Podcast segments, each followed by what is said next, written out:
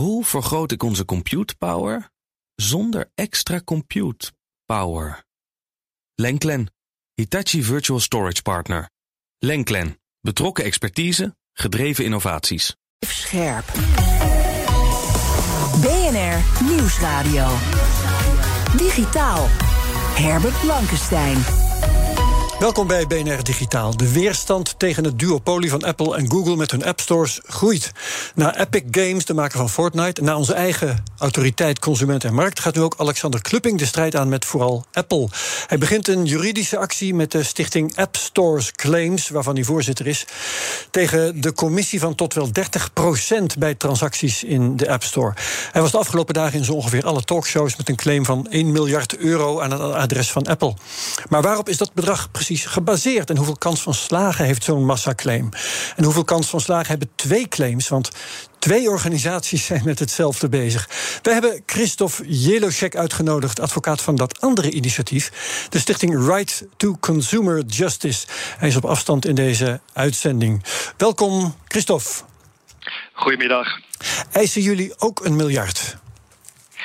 Uh, nee, uh, wij hebben op dit moment nog geen precies uh, bedrag genoemd. Want dat zal pas later de procedure duidelijk worden. Okay. Het is wel duidelijk dat wij het hebben over de orde van grootte van honderden miljoenen. Ik denk wat misschien leuk is om, om, ook te weten... er is een soortgelijke claim in Amerika geweest. En daar is, ging het over ruim 100 miljoen Oké, okay. ja. En hebben jullie alleen Apple op de korrel of ook Google? In onze zaak gaat het alleen maar over Apple. Dus dat monopolie in dat geval. Ja, oké. Um, en wat is er eigenlijk mis met een tarief van 30 procent? Nou ja, de, de, de, wat is er mis mee? Die, deze tarieven, dat vindt de, vindt de stichting, die zijn excessief. Dus Mhm. te duur. Uh, en waarop baseer je dat? Dat als je vergelijkt uh, dat met andere app stores. En uh, dat is bijvoorbeeld voor Android, dat is Google al veel lager. Voor Microsoft nog lager.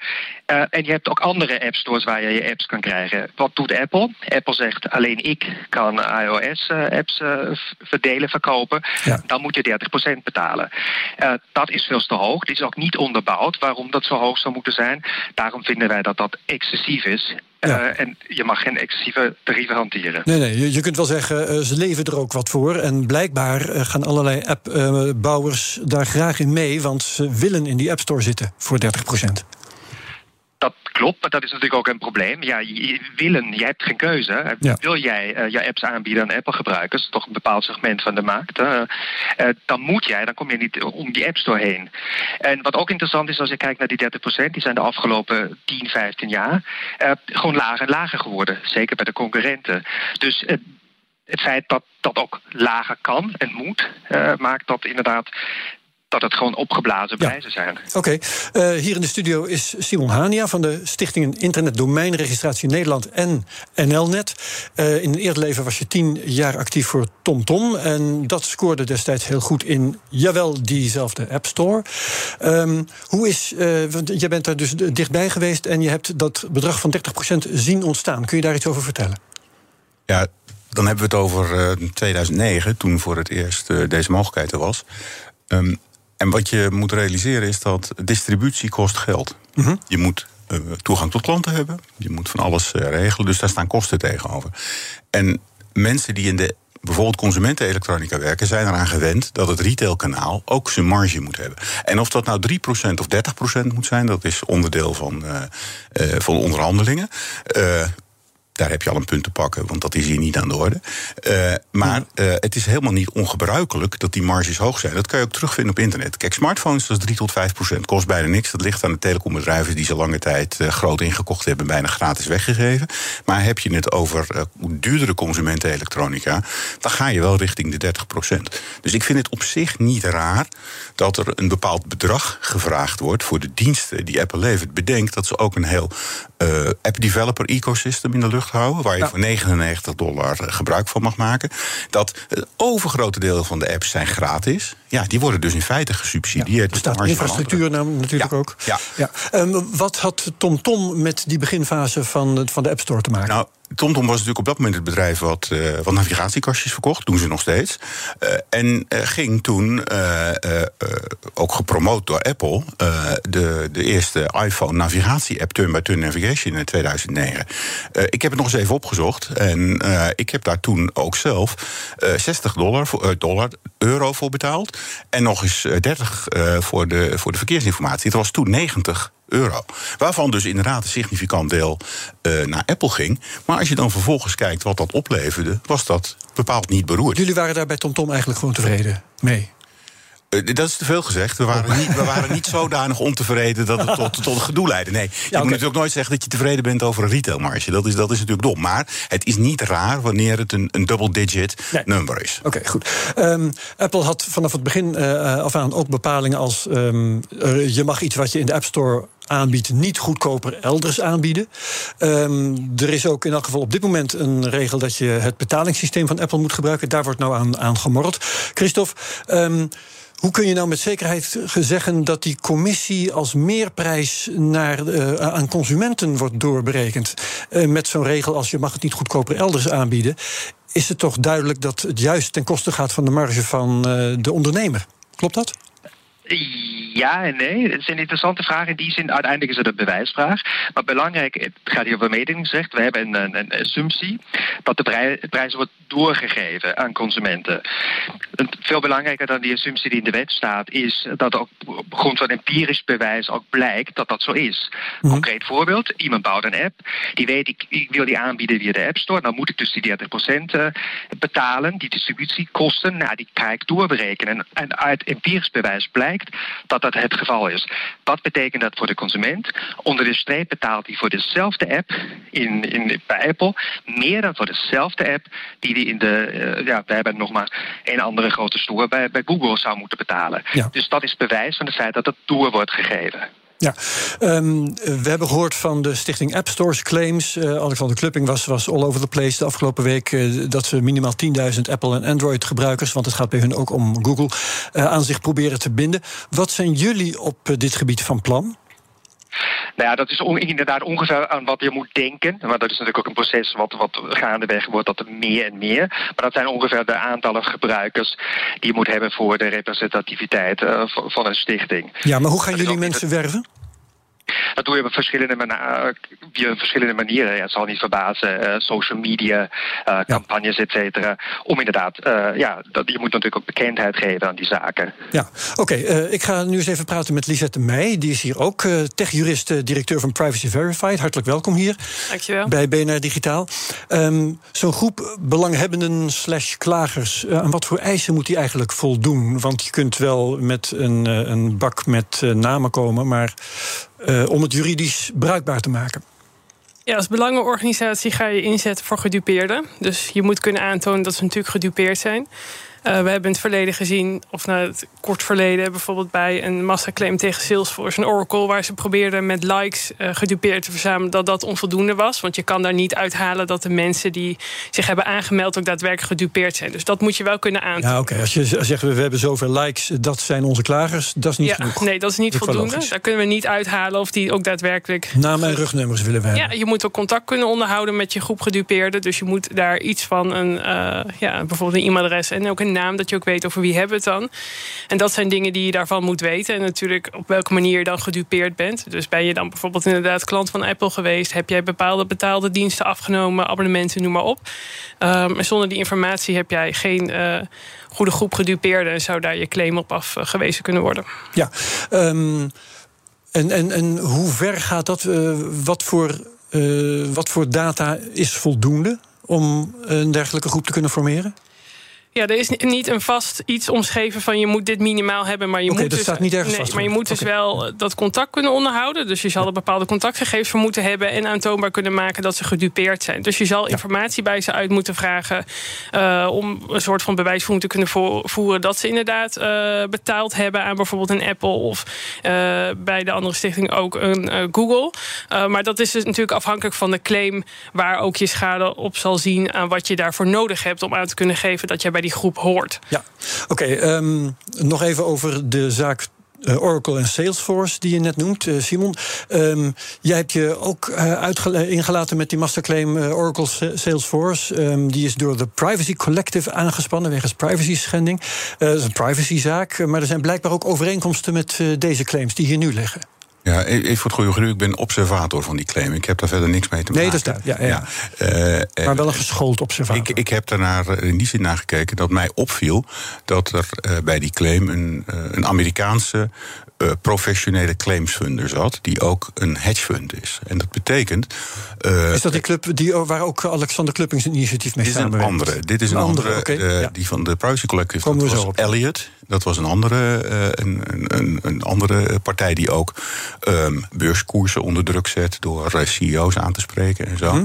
En ik vroeg mij daarvan af: moeten we dit nou wel willen? Uh, Amerikaans claimkolonialisme, heb ik het maar genoemd. Dus dat je inderdaad uh, Amerikaanse partijen zei, uh, hebt die in Nederland neerstrijken, waar het aantrekkelijk is. Omdat je hier niet iedereen hoeft te vragen: wil je, wil je meedoen? Maar omdat je per definitie iedereen erin meeneemt, tenzij ze zich uitschrijven op een bepaald moment. Dus je hebt grote getallen, ja. grote winsten. En als je dan 25% uh, provisie opstrijkt, interessant getal, 25%, dan kan je, kan je daar rendement op maken. Ja, dus dat, ja, nou, ik heb me afgevraagd of dat nou verstandig is in de context van privacy als grondrecht. En ik heb dus gezegd: wat mij betreft gaan hiermee grondrechten in de uitverkoop. Dat moeten we niet Duidelijk. Een andere situatie dan wat we hier hebben, want hier is het natuurlijk veel meer een commercieel vraagstuk. Waarbij de vraag is: hebben mensen te veel betaald of hebben de makers te weinig gekregen? Dus wie is nou eigenlijk de gedupeerde, is, is nog de vraag. Precies, ja. ja. Um, ik denk dat als je over gedupeerden zou praten... dat het toch eerder de, de, developers zijn. Want die hebben namelijk alle gratis developers gesubsidieerd. En dat is iets wat... Nou ja, dat zijn keuzes uh, van Apple. Ja. Um, nou, je wilde iets weten over de, wat ja, er achter de claimstichting bij uh, wat ik gezien heb. Uh, daar zijn ze ook zelf heel open over. Dat moet ook. Dat is dat daar een bedrijf achter zit. Uh, Fortress. Fortress Investments is een, is een bedrijf dat aan claimsfunding doet, maar ook alle investeringen, maar heeft ook patentportfolio's. En een van de dingen die zij met patentportfolio's doen, is dat ze bedrijven aanspreken die al dan niet echt of vermeend inbreuk maken op die patenten en zeggen: mag ik even vangen? Ja, dat is de patenttrollen. Ja. Dat is jouw woord, ik gebruik dat even niet. Ik leg gewoon even feitelijk uit wat er gebeurt.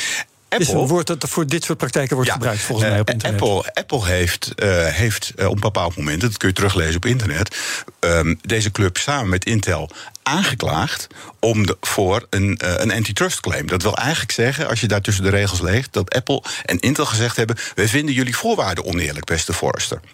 Dus wij willen daar een rechtszaak over aansporen. Je zegt Fortress, je sorry, Fortress. Fortress, sorry, Fortress, ik vergis me ja. vaker. Fortress, vesting. Ja. En uh, dus Apple heeft hen aangesproken bij de rechter, maar is uiteindelijk gaan settelen. Dat is interessant. Dus Apple spreekt Fortress aan, die gaat settelen. Vervolgens uh, is er een Amerikaanse juridische firma, uh, Houseveld, die net een overname heeft gedaan in Amsterdam. Ook een Amerikaanse professionele uh, claimsnajager, die samen met Fortress nu naar Nederland komen om daar Apple aan te klagen. Ja. om misschien wel druk uitoefenen, dat weten we niet. Hè? Dat zijn gewoon, ik, ja, bedoel, ik ja, constateer dit. dit zijn okay, gewoon vragen. en wat ik zie is een, is een achterliggend Amerikaans claimcultuur, die nu hier binnendruppelt. Ja, dan, dan wil ik eventjes, want uh, daar wil ik Lisette wat over vragen, omdat uh, het een soort no-cure, no-pay constructie is. Hè. Ik dacht eigenlijk dat dat in het Nederlandse recht niet kon, no-cure, no-pay. Uh, Fortress, krijgt, de, Fortress is um, betrokken bij het initiatief van Alexander Klupping. Die krijgen geld als de claim slaagt. En de club van Alexander Klupping betaalt niks als de claim niet slaagt. Is dat in de haak? Um, nou ja, dat kan inderdaad bij de massaclaim wel, omdat uh, het is niet alsof. Zij, zij leveren natuurlijk ook werk voor uh, de claim die ze daar proberen, nou ja, um, binnen te halen voor natuurlijk de gedupeerden. Ja. Uh, en wat dat betreft is het een, een, investering die gemaakt wordt. Op het moment dat je dus geen schadevergoeding krijgt. Je betaalt als gedupeerde, betaal je in ieder geval niet om deel te nemen. Dus voor de, de gedupeerde baat het niet, dan schaadt het niet. Is dat inderdaad het verhaal. Maar bij zo'n massaclaim heb je dus een investeerder die wel degelijk veel geld investeert. En bijvoorbeeld ook de, de leden van zijn stichting dan betaalt voor het werk wat ze verrichten. Ja. En dat op het moment dat je dus die claim niet slaagt, zijn zij wel, is de investeerder zijn geld kwijt. En pas als die slaagt pikt hij daar een graantje van mee. Dus op, op, maar in deze vorm mag dat dus wel? Ja, dat kan in deze vorm wel, ja. ja oké. Okay, uh, Zou ik misschien heel kort dan iets Ja, doen, korte reactie nog graag, Christophe. Een hele korte reactie. Jullie... Ik denk dat inderdaad een belangrijk punt... dat no cure no pay, komt, dat geldt voor advocaten in Nederland. Die advocaten worden allemaal betaald. Oh, inderdaad, de stichting wordt betaald. En het is inderdaad enkel een kwestie van financieren, de financier die inderdaad zegt... ik financier iets wat misschien ook op nul uitkomt. Die wordt betaald. En laten we één ding niet vergeten. Het gaat over claims die een consument zelf nooit zou instellen. Het zijn dus Nederlandse consumenten die een claim instellen. Dat doen ze inderdaad, uh, precies, uh, precies wat Lisette zei, uh, zonder te betalen. Op, middels die financiering. Dat en nog even heel kort graag. gaan jullie, zijn jullie ook met een dergelijke partij in zee, ja of nee? Ja. Wij hebben een US financier, dat is geen hedge fund. Dat is een, een advocatenkantoor in Amerika. Hagens Berman die, en dat is ook heel erg belangrijk, die heeft een settlement bereikt met Apple in Amerika deze zomer. En dat is die claim die gaat over 100 miljoen. Oké, dank. Herbert Blankenstein. Goed, Apple en Google verdienen elk jaar tientallen miljarden met de commissies op aankopen in hun app stores. Twee stichtingen claimen nu megabedragen van Apple. Praten we over verder met Christophe Jelosek, advocaat van dat andere initiatief, niet van um, Alexander Klupping, namelijk de stichting Right to Consumer Justice. En verder hebben we hier Simon Hania en techjuriste Lisette Meij. Um, die andere claim is dus van de stichting App Stores Claim met Alexander Klupping. De rechter moet nu bepalen welke claim er door mag. Christophe Jelosek, waarom trekken jullie niet gewoon samen op? We zien uh, vooraf één punt. De rechter gaat niet bepalen welke claim doorgaat. Beide claims gaan door. De rechter gaat bepalen wie in de lead is. Eh, en wat betekent dat dan? Wie, wie penvoerder is. Wie uh, feitelijk namens alle partijen spreekt. Want dat is wel een belangrijk punt. Inderdaad, de achterban, dat kan soortgelijk zijn. Um, waarom, in antwoord op jouw vraag, waarom hebben we dat niet uh, gedaan? Ja, wij weten pas sinds twee dagen van het bestaan van deze stichting. Um, ons wij werden niet gecontacteerd. Onze claim ligt al sinds 4 oktober. De Jullie waren eerder? Hebben, wij waren eerder en hebben dus wij nog niets gehoord. Maar ja, ik denk het gezamen optrekken wat we toch moeten doen in de procedure... dat kan alleen maar positief zijn. Met een, gebalde, uh, met, met een gecombineerde uh, krachten tegen Apple. Inderdaad, Apple is natuurlijk heel erg groot. Ja, ik heb net van uh, Lisette gehoord dat um, je precies moet aangeven wie de mensen zijn die initiatief steunen en op wat voor manier die gedupeerd zijn. Um, ik neem aan dat je toch vrij precies moet aangeven hoe gedupeerd ze zijn. Met andere woorden, hoe, in hoeverre ze zijn benadeeld. Maar dan kun je toch nooit precies uitrekenen. Dat, dat is toch veel te ingewikkeld? Nou ja, dat, uh, dat, dat gaat uh, gaandeweg uh, gebeuren in de procedure. Wat wel belangrijk is, en dat, dat doe je nu. Dan hebben we dus een dagvaarding gedaan. En dat is enerzijds de consumenten. Waar je zegt, die zijn inderdaad prima gedupeerd door het doorgeven van die 30 procent. Ehm, daarnaast heb je ook nog de appontwikkelaars. Maar voor een claim moet je toch gewoon een heel duidelijk bedrag kunnen neerleggen? Uh, dat, hoeft, dat hoeft niet per se, omdat je in die procedure ook uh, de, de schade nader kan vaststellen. Dat is uh, gebruikelijk. Mm. En belangrijk is natuurlijk ook voor bepaalde informatie heb je Apple nodig. Als consument weet je natuurlijk niet als individuele consument hoeveel, hoeveel andere transacties erin zitten. Dus je weet niet wat de omvang is. Alleen Apple ziet op die informatie. Die informatie krijgen in dat inhoudelijke gedeelte van die procedure. Oké. Okay. wat zijn verder de inhoudelijke verschillen tussen jullie initiatief en dat van Alexander Klupping?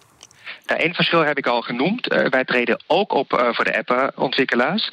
Die ook benadeeld zijn door die tarieven, hè? dat mag duidelijk zijn. Ja. ja, maar niet alleen door de tarieven. Dat is misschien ook iets wat, wat nog niet zo helder is. Die zijn namelijk ook op twee andere manieren benadeeld. Punt 2, dus na die tarieven, is... ze moeten een bepaald betalingssysteem gebruiken. Daar gaat de ACM-zaak over. En punt 3... Uh, dat heet dan self-preferencing in het Engels. Apple bevoordeelt zichzelf ten, ten opzichte van andere appgebruikers. Twee voorbeelden. Als Apple een eigen muziek-app heeft, Apple Music, eerder iTunes, dan gaat ze die ten nadele van uh, Spotify gebruiken. Ja, ja, ja. Dat is inmiddels ook een Nederlandse, uh, sorry, een Europese zaak. Tweede voorbeeld, Apple maakt het moeilijk om apps te vinden in de App Store. Uh, dat maakt het dat de app developer de getypeerde is en niet de consument. Ja, uh, dus uh, het initiatief van Clubbing kijkt naar Apple en Google. En jullie kijken naar Apple speciaal, maar dan naar verschillende aspecten. Ook die developers en het bevoordelen van zichzelf door Apple. Ik kijk even naar Lisette Meijer hier. hoe zie jij de kansen eigenlijk voor deze zaak? Nou, ik denk dat we ook wel heel helder moeten voor ogen moeten hebben. We noemen de hele tijd 30% Het is niet altijd standaard 30% voor kleine developers is bijvoorbeeld Nee, 15 ja, Dus daar precies. zitten verschillen in. Ja. En ook eh, wat eerder genoemd is. Apple levert in dit geval dan even om Apple als voorbeeld te, te geven. De claim moet zich natuurlijk richten op het. eh, Eigenlijk het misbruiken van de economische machtpositie van Apple. Daar, dat, dat moet aan de orde zijn. En op het moment dat ze dat doen, want ze hebben natuurlijk een economische machtpositie. Want ze zijn, eh, als we het een duopolie noemen, eh, noemen met Google en Apple. Maar als ik even de reden mag vallen, de, eh, het aantonen van misbruik van machtspositie, ja, dat is in diverse monopoliezaken is het wel gebeurd bij Microsoft en Ja. Google en al, al, al dat soort grote techjongens. Dat kost jaren, dat, dat kan tien jaar duren voordat je zo'n zaak afrondt. Ik denk ook niet dat we hier met een half jaar een antwoord op hebben. Dit kan echt wel een tijd duren. En Apple zal natuurlijk met een tegenreactie komen dat die 30% ergens, of ik noem nu even 30%, maar of die 15% natuurlijk ergens op is gebaseerd dat ze ook diensten leveren. betekent ook niet dat als jij een economische machtpositie hebt, dat jij geen winst mag maken, bijvoorbeeld. Dat mag. Dus zij zullen natuurlijk een eh, tegenreactie geven waarom een bepaalde commissie redelijk zal zijn. En dat is ook Ja. eh, natuurlijk vanuit een bepaald eh, perspectief ook redelijk, omdat je bepaalde dingen voor terugkrijgt als consument vooral ook. Hè. Dat je eh, beschermd wordt tegen virussen, dat je een betaalsysteem hebt waar je gegevens veilig zijn, dat je ziet wat er binnen de app gebeurt. Dus Ja. daar zal een tegenreactie op komen. En als we bijvoorbeeld zeggen van nou, we leggen een claim neer van 1 miljard, dan baseer je dat bijvoorbeeld op ik noem maar iets, ik weet niet precies hoe die berekening gemaakt is, maar misschien 30% over bedragen die we hebben afgedragen. Ja, dan zullen zij daar een reactie tegen uitbrengen waarom zij dat wel redelijk vinden. Of misschien dat een percentage van, ik noem iets, 15% uiteindelijk redelijk blijkt te zijn. En ja, daar zal het uiteindelijk op verder gaan. Dus eh, ik denk niet dat we per definitie kunnen zeggen dat 30% hem- of gewoon überhaupt commissie rekenen, dat mag natuurlijk. Maar ja, ze mogen geen misbruik van de positie maken. Dus Ja. daar, daar zal het vooral om gaan dat ze bijvoorbeeld dingen. Dus dat is kansrijker dan al maar hamer op die 30% wat het initiatief van Clupping doet. Nou ja, ik denk dat die hamer op 30% vooral een manier is om natuurlijk eh, de mensen ervan bewust te maken en binnen te halen. Om natuurlijk een grote eh, groep aan Ja, maar gedupeerden dat is dan meer te een krijgen. wervingstruc dan een juridisch sterk punt, als ik jou goed begrijp. Ik denk dat daar zeker iets tegen ingebracht gaat worden. Ja, Eh, Simon Haan, ja, even in je hoedanigheid van, van watcher. Eh, hoe, hoe zie jij de kansen van deze zaak of deze zaken? Nou, wat ik opvallend vind is dat de ACM, eh, die juist over dit soort dingen gaat, na langdurig onderzoek, eh, eigenlijk alleen maar tot de conclusie gekomen is dat er iets mis is met, het, met, met de kassa en niet met de rest. En dat hadden ze ook kunnen doen. Dus dat geeft mij wel een signaal dat als de ACM met alle macht die ze hebben, ook, ook om gegevens op te eisen, dat die niet eh, hiermee komen, vind ik een veeg teken over het succes van deze beide claims. Dat het misschien niet zo hele maar ik denk, maar ik even daaraan toevoegen. Dat wil niet zeggen dat, dat- dat, dat het niet succesvol kan zijn als Apple een bepaald moment gaat settelen. In plaats van de 250 miljoen, 25% van 1 miljard, eh, eh, 100 miljoen biedt. Nou, dat, dat komt aardig in de buurt van wat ik net hoorde voor die andere stichting. Ja. Afgeregeld, klaar. Christophe, Ja, excuses dat ik tussenkwam. Misschien nog één punt. Het is interessant eh, wat de ACM deed. De ACM heeft maar de helft van haar uitspraak gedaan. De ACM heeft inderdaad rond de kerst, nou dat is eh, eh, breed uitgemeten in de, in de media, iets gezegd over het betaalsysteem. Dat staat vast. Dat is nu waar Apple continu de boete niet betaalt. Daarnaast is nog een open eind in het besluit. We weten niet wat dat is, want dat is eh, allemaal blacked out. Eh, mag niet bekend worden. En laten we die zaak even laten rusten, Christophe, want ik ben nog zo nieuwsgierig. eh, nu op de valreep naar wat jullie strategie verder is ehm, met, jullie, met jullie claim.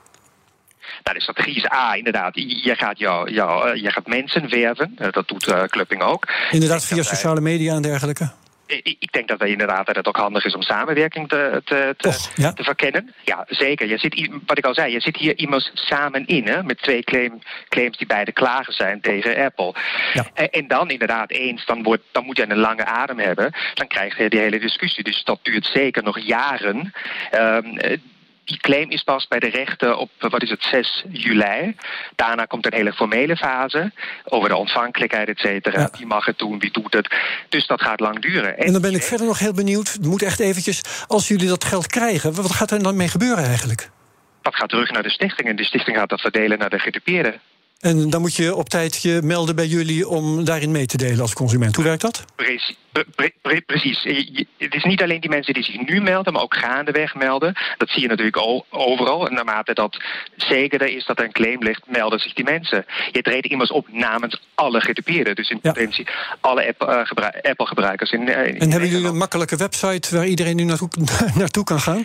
Daar is een eh, website met de misschien niet zo makkelijke naam Right to Consumer Justice. Ja, precies. De naam van jullie club, En- ja. En daar is inderdaad ook een registratieformulier, et cetera. Oké, nou dat is mooi. Eh, daar moeten we het bij laten. Hartelijk bedankt voor je uitleg over de, de claim tegen Apple. Eh, Simon Hania ook bedankt. Lisette Meij ook eh, hartelijk bedankt. Ehm, ja, veel succes met de zaak tegen Apple. BNR Digitaal terugluisteren via bnr.nl. Onze app of waar je ook maar luistert naar podcasts. En daar vind je ook mijn andere podcasts zoals de Cryptocast, de Technoloog en Space Cowboys. Wat BNR Digitaal betreft, heel graag tot volgende week. Dag. Hoe vergroot ik onze compute power zonder extra compute power? Lenklen, Hitachi Virtual Storage Partner. Lenklen, betrokken expertise, gedreven innovaties.